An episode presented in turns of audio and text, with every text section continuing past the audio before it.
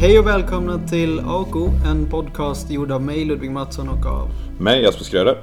Och eh, idag ska vi prata om en stor filmskapare, David Lynch. Mm. Har du något eh, på David Lynch?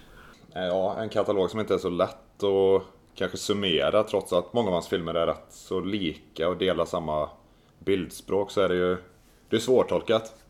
Ja, det är det ju. Jag eh, spontant, när jag tänker på David Lynch så tänker jag ju att han, han har ju skapat sin egna värld liksom.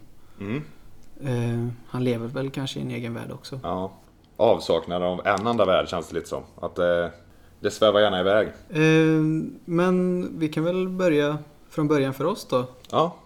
Eh, Jag började ju med den filmen jag fortfarande håller som hans eh, bästa verk egentligen och det är ju Elefantmannen. Hans eh, första riktiga eh, Hollywoodfilm.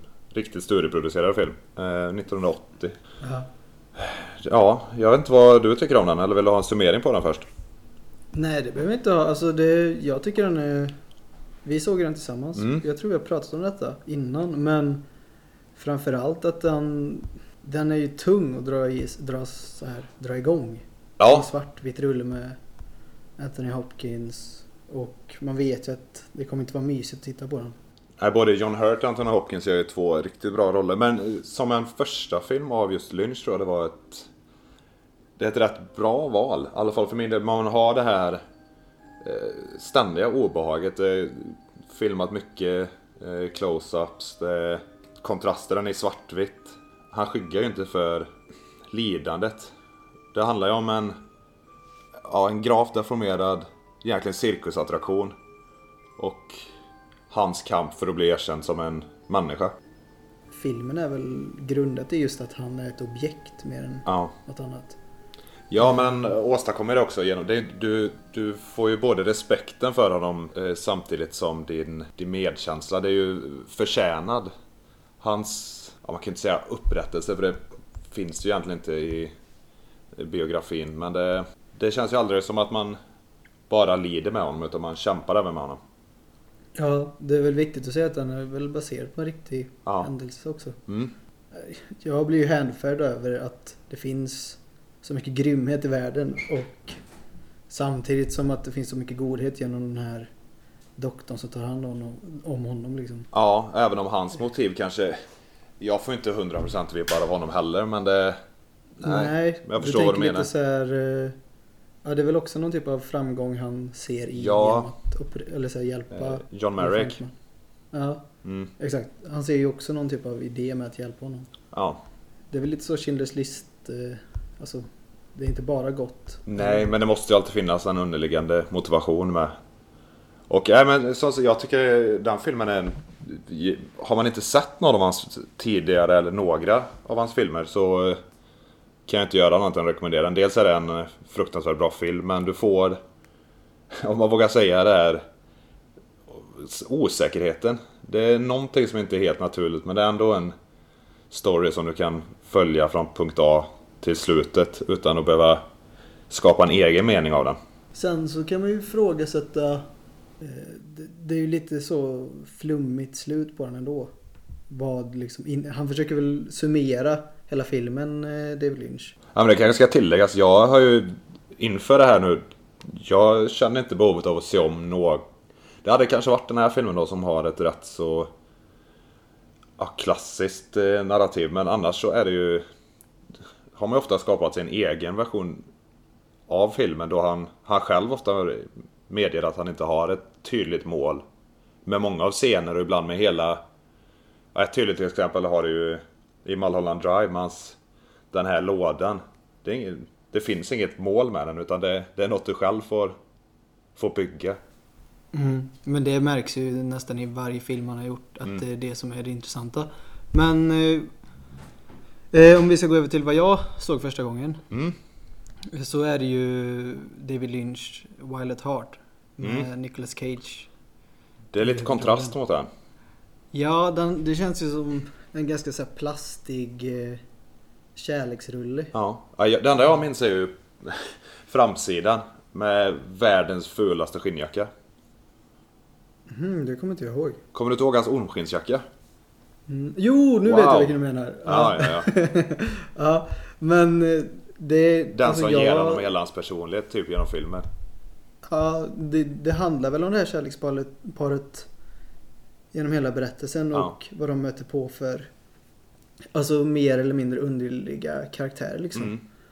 Ehm, Kan den jackan vara det mest surrealistiska han har gjort? jag vet, Jag vet inte om den är helt misstolkad den här filmen för det. Jag Ja, googlade upp vilket- en bild där precis, den är fantastisk. Ja, den är den är väldigt ful. Mm. Men jag, eh, jag kommer knappt ihåg den här filmen Nej. eftersom att jag, eh, jag var väl ganska ung när jag såg den och Mm. att den är verkligen inte, man hänger inte med i den. Nej. Och det är Det väl finns någon- tjusningen ofta men den har ju inga scener som sätter sig överhuvudtaget. Det är kul att vi började i så skilda ändar av hans eh, rätt så eh, korta ändå filmografi. Det finns ju inte supermånga filmer han har gjort. Nej.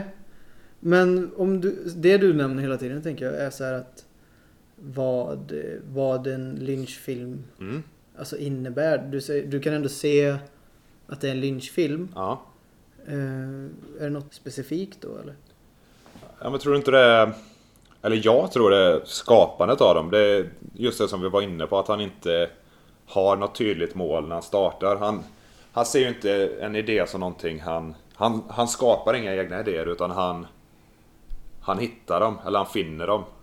Mm. Ska du göra en film så måste du ut på djupt vatten för att finna idéerna. Det är inte någonting du sitter hemma och skapar utan du kan hitta den i en vattenpöl eller som i Blue Velvet.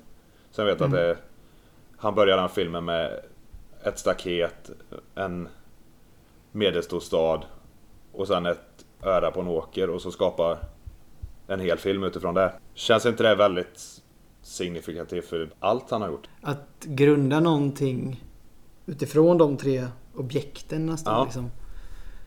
Eh, det, man kan förstå att det, han skulle lika väl kunna sagt att han vill jobba med det surrealistiska och kanske så här se Alltså just motpolerna. För den första s- scenen i filmen är ju det här eh, land, eller den här låten. Ja,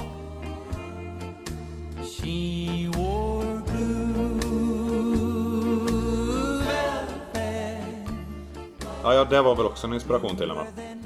Ja, och att vad, den amerikanska drömmen, Mm. vad är det liksom som döljer sig bakom det? Ja. Men när du säger att det är de här tre eh, ja, objekten, då det låter ju mer intressant. Mm. Man kan ju bygga upp en värld utifrån det och det är väl det som känns som hans, ett av hans stora drivmedel är väl att bygga världar.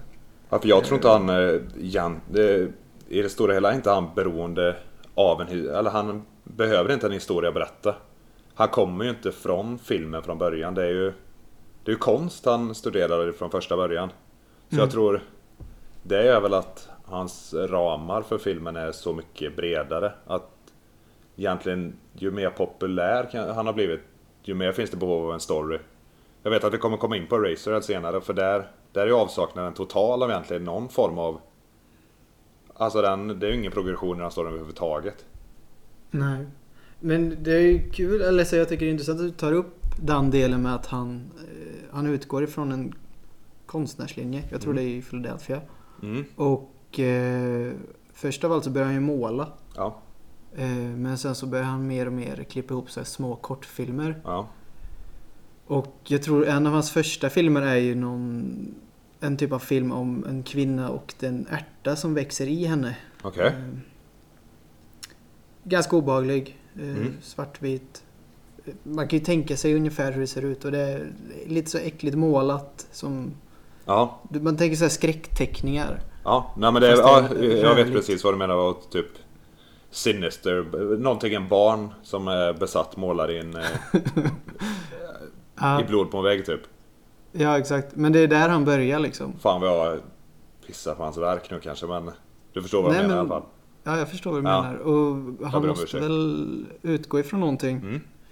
Och eh, därifrån, så, som du sa precis, att eh, det kommer ju Eraserhead sen. Ja. ja, vi kan väl använda den lite som av för det är ju Den är ju extremt abstrakt. Vad, eh, vi har en industriarbetare som jobbar i någon form av dystopisk framtid nutidsversion av våran värld. Eller om det ens är en värld.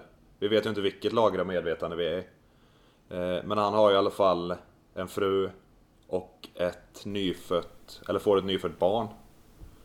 Frun lämnar dem och sen ska han väl få den sluta skrika. Och det blir bara obehagligare och obehagligare. Ja. Och det ska ju tilläggas, det är inte en Eh. kortfilm heller. Detta är ju, det är ju en hel spelfilm. Och jag vet Ja, att... jag tror, jag tror vi tog upp just en specifik scen från denna när vi var inne på... Vilket avsnitt var det? Eh, Ja, just det. Vi var eh, med... Var inte det Element-låten? Hon, kvinnan som gömmer sig i elementet. Ja. Eh, men vet du varför, eller vet du vad den grundar sig i egentligen, filmen? Eh, nej. Vet du? Nej. För jag, jag har Eh. försökt eh, läsa, eller få, jag vet att du tycker sämre om den än vad jag gör. Men Ja. det är ju som eh, vi var inne på innan med Blue Velvet. Det är ju, han har ju inte skapat filmen tycker jag. Utan han har ju fångat de här idéerna. Och ser ingen mening. Han har ingen mening med allting i den. Han ser inte något behov av att förklara någon mening till oss som tittar heller. Utan det Nöjet ska väl vara att dissekera och skapa en egen mening av den. För jag tror man får lämna lite av behovet att få någonting berättat för sig. Och Fast bara... okej. Ja, jo. Jag tänker bara Blue Velvet är ju ändå ganska eh, rak som Mm. berättelse när man väl ser den liksom i ett större perspektiv eller så som film. Eh, jag såg ju om den för inte så länge sedan. Och går man in Ja. med förutsättningen att eh, ja, det här det, det är inte en film du ska förstå. Utan det är en film du själv ska tolka. Så är den väldigt mycket intressantare. Eh, Okej, ja, jo. Alltså jag kommer ihåg bara första gången vi såg den. Mm. Och eh, att man var bara, vad är det vi tittar på? Just Mm. att den känns som att den ska vara mer äcklig än vad den ska utforska Ja. någonting. Mm. Men eh, som sagt, det är ju hans första Future-film, eller vad ska man säga? Ja, Eh, hans första stor fullängda. Men som sagt, Ja. jag tror inte det är där man ska... Tycker man om hans verk och vill förstå mer varför de har de här surrealistiska, eller, drömmarna och flera lager på lager av verkligheten, vad som sker, varför det sker, Mm. varför du inte får förklaringar på allting, så tror jag det är bra att gå tillbaka till Eraserhead och se den för vad den är. Och jag, eller jag tycker man fick mycket bättre förståelse efter det. Och kunde Mm. uppskatta även de lösa trådarna som finns i många av hans rakare filmer också. Ja. Men det jag ville komma fram till i alla fall är ju att eh, han gör den här 77 Mm. och eh, jag tror det är några år efter han har gått ur skolan. Ja. Och just eftersom att den handlar om en man som eh, hamnar i en roll av en, ja han är din pappa liksom. Ja. Till någonting han inte vet om. Det är Mm. ju precis det som händer med Lynch också under den här tiden. Mm. Han blir ju farsa. Ja. Och jag såg en intervju där hans dotter pratar om det. Liksom att eh, man, eller han, hon vet ju om att han fick ju mycket inspiration från det här att han vet inte vad det är för någon typ av varelse han har Nej. fått eller gett jorden och hur han ska hantera det. Sen att det är väldigt överdrivet och är en annan sak. Men det är också hans värld och hans konst. Mm. Men eh, det därifrån, och det kan man ju ändå förstå ganska Ja. lätt när man vet om att han blev pappa under den här tiden. Mm. Ehm, Det var med sin andra fru va? För jag har för mig att hans första fru har någon liten biroll i Eraserhead. Okej. Lite trivia Mm. bara, som inte behöver stämma. Ja. Men kolla gärna upp det. Okej. Ja. Men... eh, Ja men innan vi fortsätter med filmerna vi tänkte ta upp här. Så vet jag Mm. att tidigare i veckan så snackade jag med dig om Rectify. Eh, Sundance eh, egna dramaserie. Jag vet inte om du har sett något av den? Alltså festivalens egna. Mm, ja det är väl deras nätverk. Men eh, jag tror det är i samband med dem. Oviktigt kanske men... Eh, har du... Vet du någonting om det? Mm, det handlar väl om en man som har blivit oskyldigt dömd Mm. och kommer ut ur eh, Mm. fängelset. Precis, ja det var det. För jag började kolla på den för när den kom ut. För ja, tre, fyra år sedan. Men nu i samband med att vi började diskutera det avsnittet så såg jag om den. Och där ser, eller jag tolkar in rätt många av de här lynchreferenserna i den här småstads amerikanastaden med klaustrofobisk stämning utan att det egentligen borde vara det. Mycket sägs utan dialog. Och framförallt så har vi ett avsnitt i säsong 1. Som är extremt lynchigt. Som jag Okej. rekommenderar er att se sen.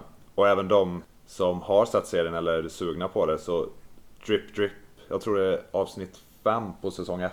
Du följer en hel dag med en... De bryter sig in, snor en lastbil full av får och lämnar ut dem till familjer, tolkar jag det som. Ja. Och du får aldrig svaret på om har det här hänt? Han har pengarna från dagen. Han har brottats med någon, han har brottats med sig själv. Är det metaforer för liksom hans tid i, på Death Row? Mm. Och det måste finnas något Lynch-inspirerat i det här avsnittet. Och jag, jag tycker det var så jävla bra bara. När man var inne i tankesättet och... För jag tänkte inte ens på det avsnittet första gången jag såg det. Eh, Jag vet att du har sagt till mig en gång innan att se den Mm. serien. Och då började jag kolla. Men jag, riktigt, jag fastnade liksom inte för den. Det var så långsamt. Absolut, men det är, det är rätt, när det kommer in, det är rätt liten del. Nu kommer vi på ett sidospår, men det, jag tror ändå vi har rätt bra koppling till Lynch på det. Det är en hel del scener som utspelar sig. Du vet inte om det är, som vi talar om, drömmar eller om det är upplevda scener. Han tänker tillbaka på tiden på Death Row. Han ser kamrater han har förlorat. Folk som har blivit avrättade. Han tar med dem ut på promenader i en frusen skog. Liksom, är det här...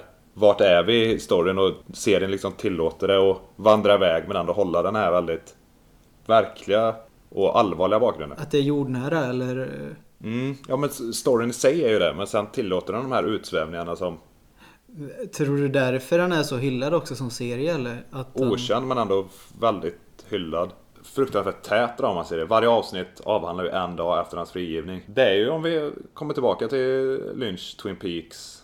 Den är till ytan idylliska småstaden. Lite pittoreska men det enorma trycket som ligger under och hur minsta lilla Alltså sätts det här maskineriet ur synk. Som i vissa fall, här, ofta ett mord. Eller en, någon som inte passar in. Hur det, allt det här förmedlas. Passiv aggressiviteten.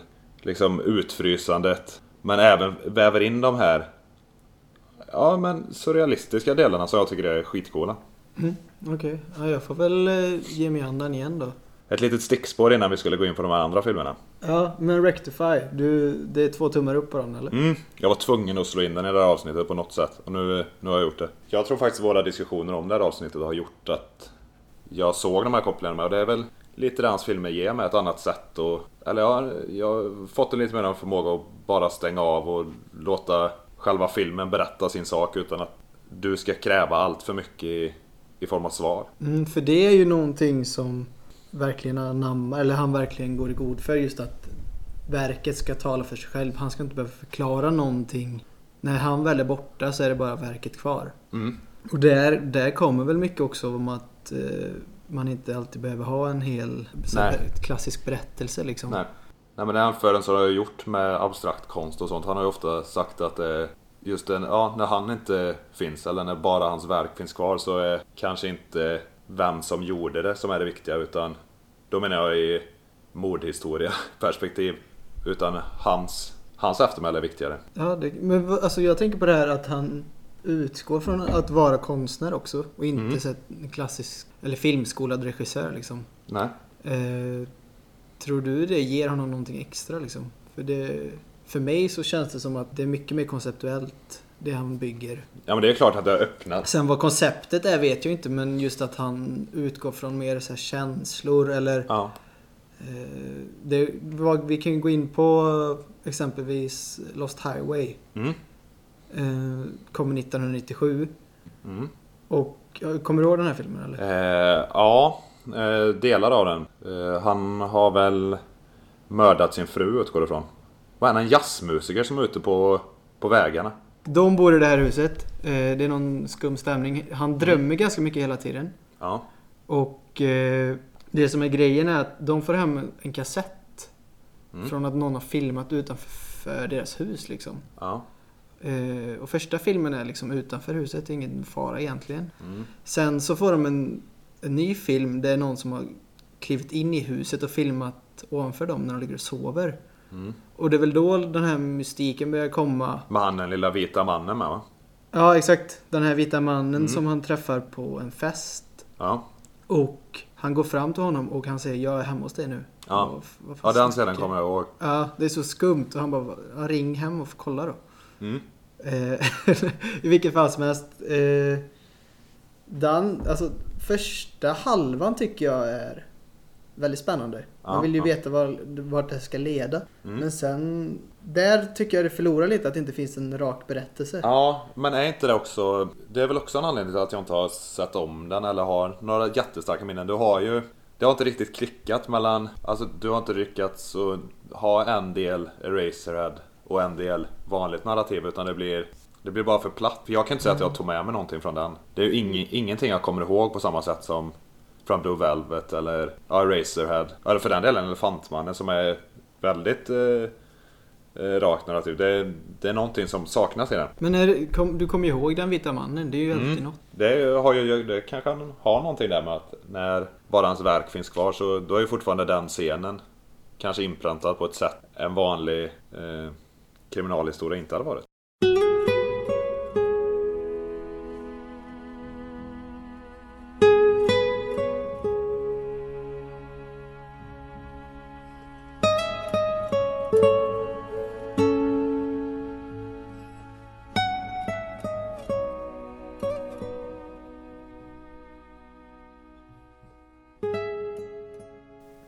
Du, alltså, du säger ju att han jobbar med det kända psyket. Liksom, det vi kan, Mm. vi kan förstå.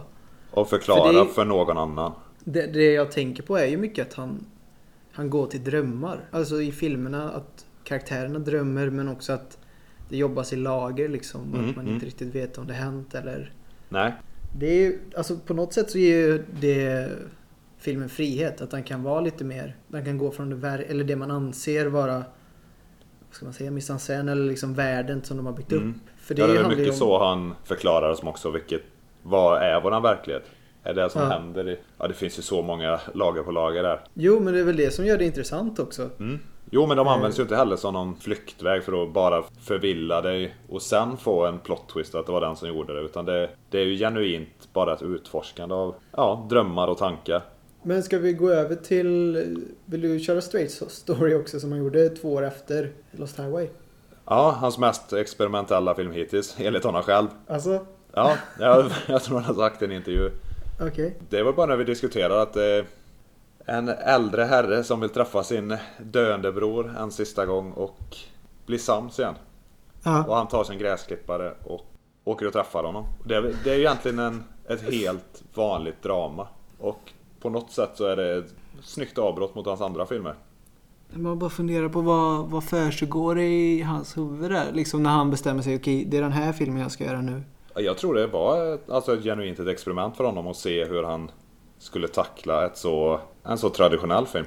Ja. Jag, jag, jag vet att Filip och Fredrik tycker den här är superbra. Mhm. Mm. Eh, jag såg den efter att de tipsade om den. Ja. Jag gillar ju inte den så mycket. Eh, det är kanske också just den här avsaknaden av eh, de här drömmarna och allt som jag Ja.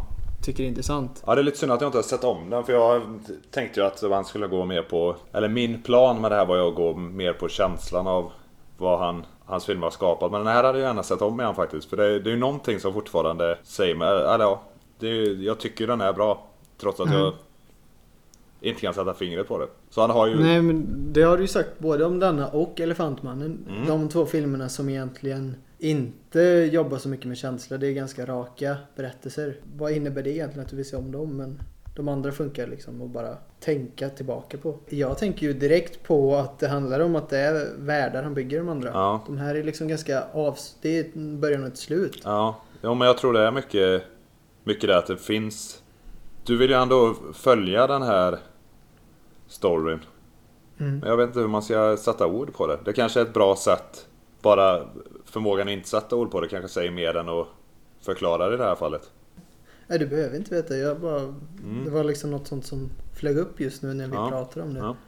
Nej, jag blir lite tagen på det. Ja, det är fan svårt. Jag tycker nog nästan tvärtom. Att Ja. jag, vill, jag vill ju återgå till de här eh, världarna. Och Mm. som han har. Man bara får en inblick i.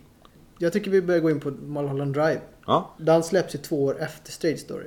ja, Det handlar ju om en skådespelare som flyttar till Hollywood. Och Eh, Ja, hon ska liksom försöka fånga drömmen i Hollywood. Eh, Samtidigt så är handlar det om en kvinna som är med i en bilkrasch va? Mm, tappar eh, minnet. Och de här två möts på ett rum. Där börjar väl filmen egentligen. Ja.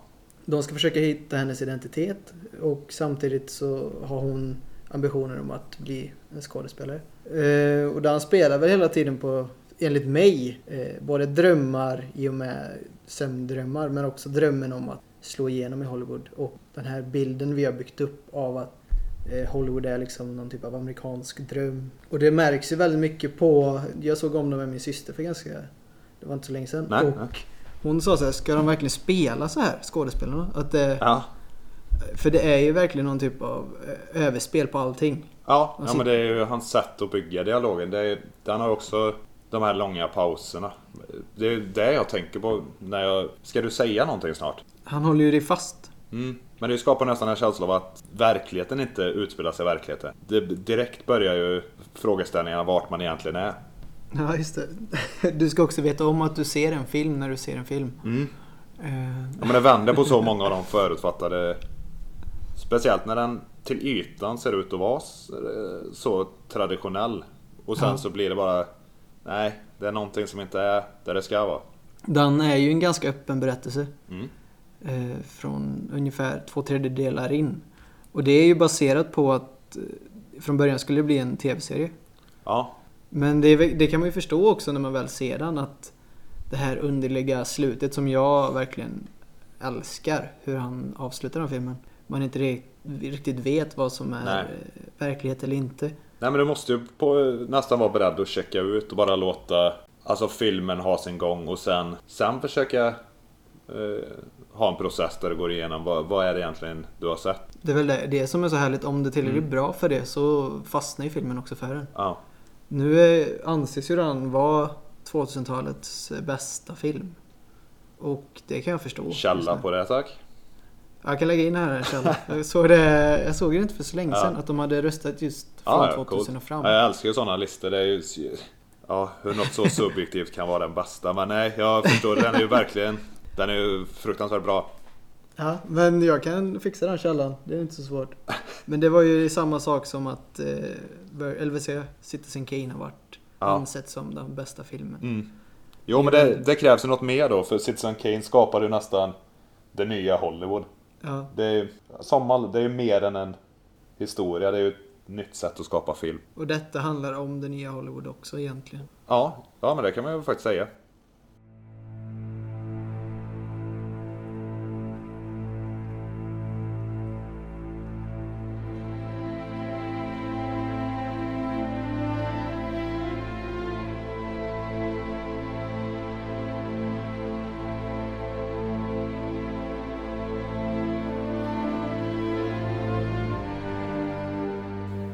Nej, men bara lite feeling av... Vi vill ju gå igenom filmer som har inspirerats av Lynch nu. Eller kanske har en anda av honom i sig. Den här, ja, känslan av att inte veta vart du är. Men går det att göra det? Finns det... Alltså, är det inte en Lynchfilm så är det ju inte en Lynchfilm. Går man så djupt i hans fångade idéer så... Vad, hur tar du efter det egentligen? Nej, Det är ju inte sättet du kan kopiera en... Ja, du kan göra Die Hard i Nakatomi Plaza och sen så kan du göra en eh, liknande film i New York. Det blir liksom... Det går att kopiera, men går det här att kopiera? Alltså just hans filmer går väl inte att kopiera men hur han tänker kring filmskapande Mm. och vad det är han försöker... eh, Men om man ska lita till hans sätt att Förmedla. inte skapa idéer utan fånga dem. Alltså allt han säger är ju att det handlar om idéer. Mm. Han utgår från idéer och han är bara redo på att fånga dem konstant. Precis. Eh, Men så gör väl många filmskapare. Det är väl liksom inte... Ja, men jag får inte känslan av att han pratar i form av inspiration heller. Att han, att han blir inte inspirerad till att göra de här sakerna. Utan det, det är bara en tanke som så. Och så har vi tre, fyra beståndsdelar och sen så är det egentligen en serie av bildrutor som följer. Eller är det kanske ett för Ja, men det... högtravande sätt att tänka om hans sätt att Nej, det tror jag verkligen inte. Alltså han måste ju utföra det. Det är Mm. väl så Nej, jag fick Han bara en liten feeling här. Vi kan klippa bort mycket av mitt dravel där, men... Nej, jag tycker verkligen inte Jag tycker vi ska klippa in eh, när han själv pratar om det. Jag Ja, han kan. För där pratar han exakt om det du säger och försökte förklara. everything that we do starts with an idea. We don't know what to do unless we have an idea. So, ideas are like fish, and you don't make the fish, you catch the fish. You desiring an idea is like putting a bait on a hook and lowering it into the water. You can catch ideas from daydreaming, or you can catch ideas from places if you think that maybe a place could conjure ideas, then you have to go out of the house and go traveling. You can be going down the street, see a reflection on a little po- uh, pool in the gutter, and bang, an idea will come. Who knows how it happens? I always say it's like there's a man in another room with the whole film together, but they're in, they're in puzzle parts, and he's flipping one piece at a time into me. And at first, it's very abstract. I don't know, I have a clue. More pieces come, more ideas are caught. It starts forming a thing, and then one day there it is. So it, there is, in another, in a way, there's no original ideas. It's just the ideas that you caught. That the thing is to be true to the idea. A lot of artists think that suffering is necessary, but in reality, any kind of suffering cramps the flow of creativity. Let's say that Van Gogh, every time he went out and painted, he got diarrhea. It wouldn't be so good for him to go out. He'd have to be really crazy. Happiness in the doing is so important and i always say it's our life going by and uh, then you this creativity flowing ideas are easier to catch and ideas that could take you out of drudgery work and lead you to someplace you know some fantastic things trillions and zillions of ideas and they're all there bubbling and ready to be caught Twin Peaks. Ja, Ett, det är väl eh, ett av hans stora verk om Mm. man säger så. som vi har undvikit fram till nu. Ja, finns det en anledning till det? Jag vet inte. Jag, eller, jag vet ju att inte varken du eller jag har eh, sett klart det. Jag Men- var extremt engagerad den första, ja, första halvan, första säsongen. Men det är någonting som inte eh, klickade för mig. Jag satt och kollade igenom när han just nu värvar de gamla skådespelarna Ja, för den ja. nya säsongen. Och eh, de pratar igenom liksom hela produktionen. Eh, hur han fick idéer till liksom. Det handlar ju om ett mord på Laura Palmer. Mm. I den här lilla småstaden i, i Twin Peaks. Det kommer en FBI-agent som ska utreda mordet. Det är väl plotten för serien. Och sen vävs alla de här elementen vi egentligen har pratat om under eh, avsnittets gång. Med var befinner vi oss? I vilken händer det här? Är det en dröm? Jaha, är det han som är mördaren eller någon annan som är mördaren? Är det hon som är mördaren? Ja. Vilken... Det, jag förstår ju att den har fått kultföljet. I tv-format hade ju inget sånt här gjorts innan när den kom tidigt 90-tal. Nej. Men det var någonting med... Den kändes fortfarande tv-styltig. Den hade inte riktigt... Den, för mig kom den lite för tidigt. Jag hade svårt att se förbi det jag anser ändå var rätt så uppenbara tillkortakommanden. Är det det här långsamma du pratar om eller? Nej, det... Nej, jag, det är intressanta karaktärer som jag tyvärr tröttnar på. Det är många av de skådespelarna använder sig av även i sina spelfilmer. Ja, vissa av dem känns det som. För det är många som har liksom gått i glömska också. Ja, Som inte egentligen har gjort något större efter det här heller. Nej. Nej men ibland kan jag tycka det är lite synd att man inte... Nu när alla är så exalterade över den här säsongen som ska komma tidigt 2017. Så hade man ju gärna velat ha en stark relation till Twin Peaks. Dels då man tycker att han som regissör är väldigt intressant och hela det här fenomenet med att han kommer tillbaka men jag har ingen starkare koppling till det. Jag har såklart läst vad tolkningar, eh, vem som gjorde det och det intressanta är ju att den här prequel-filmen som kom eh, året efter serien blev nedlagd. Att det är hans kanske mest hatade verk. Den blev utbuad på Cannesfestivalen. Och det är ju superintressant men som... Nej, jag, jag har inget sug efter att se den och det kanske gör... Det kanske är lite dåligt men... Vad känner du? Nej, jag, jag tycker ändå att eh, David Lynch, han säger väl det ganska klart i och med att hela serien handlar om det här. Eh, han äl, framförallt så älskar ju han världen, det är hans favoritvärld. Mhm. Peaks. Ja. Hans egna värld, världar då. Eh, men att det handlar om mordet och det ska inte bli... Man ska inte få reda på vem som mördar Laura Palmer. Det är hela grejen. Nej, han blev väl framtvingad till att avslöja det. Han har säkert fångat sina idéer som han gör liksom. Men... Mm. Och sen kommit på någonting som kan skapa lika mycket sug Mm. för honom. För det är väl det viktigaste. Tror du han har accepterat mördaren eller skedde det bara i en annan verklighet som han inte visade? jag vet inte. Jag tror inte... Det är också intressant. Ska det handla om ens Laura Palmer? Alltså det är ju det han säger är grunden till det. Mm. Men det skulle likväl kunna handla om något helt annat. Alltså så här, Ja. det är så långt efter också.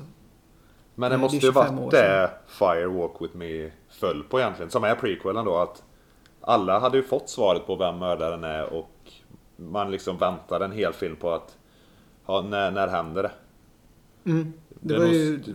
fruktansvärt svårt att skapa något intressant där. Även för en så intressant eh, filmskapare. Fast vad fan, man har ju sett många filmer där man har... Nu, nu detta är ett dåligt exempel kanske, men man har sett många filmer man vet hur den ska sluta. Mm.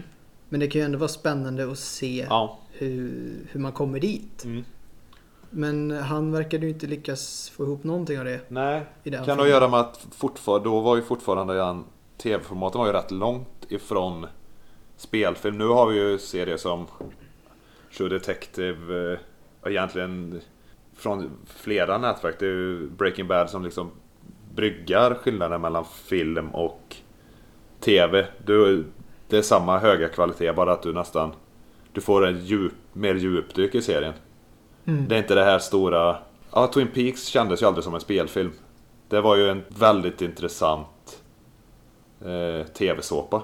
Det var i alla fall det som jag tog med mig från den. Och det kanske, vi får väl se vad, vad som händer med nästa säsong. Mm. Men ska vi kanske sluta på det som punkt? Ja, Att Ja, vi, härligt vi, slut. lä- vi lägger ner det lite Mm. öppet sådär. Vi gör en Twin Eh. Peaks och lägger ner det. Ja, och vi kanske kommer tillbaka. Vi får se. Ja, det hoppas jag. Det blir inte en prequel. Nej. Men eh, tack för ni som har lyssnat igenom detta Ja, tack så mycket. Och, eh, jag heter Ludvig Mattsson och du heter? Jasper Skräder. Ha det så Nice. bra så hörs vi snart igen. Tja!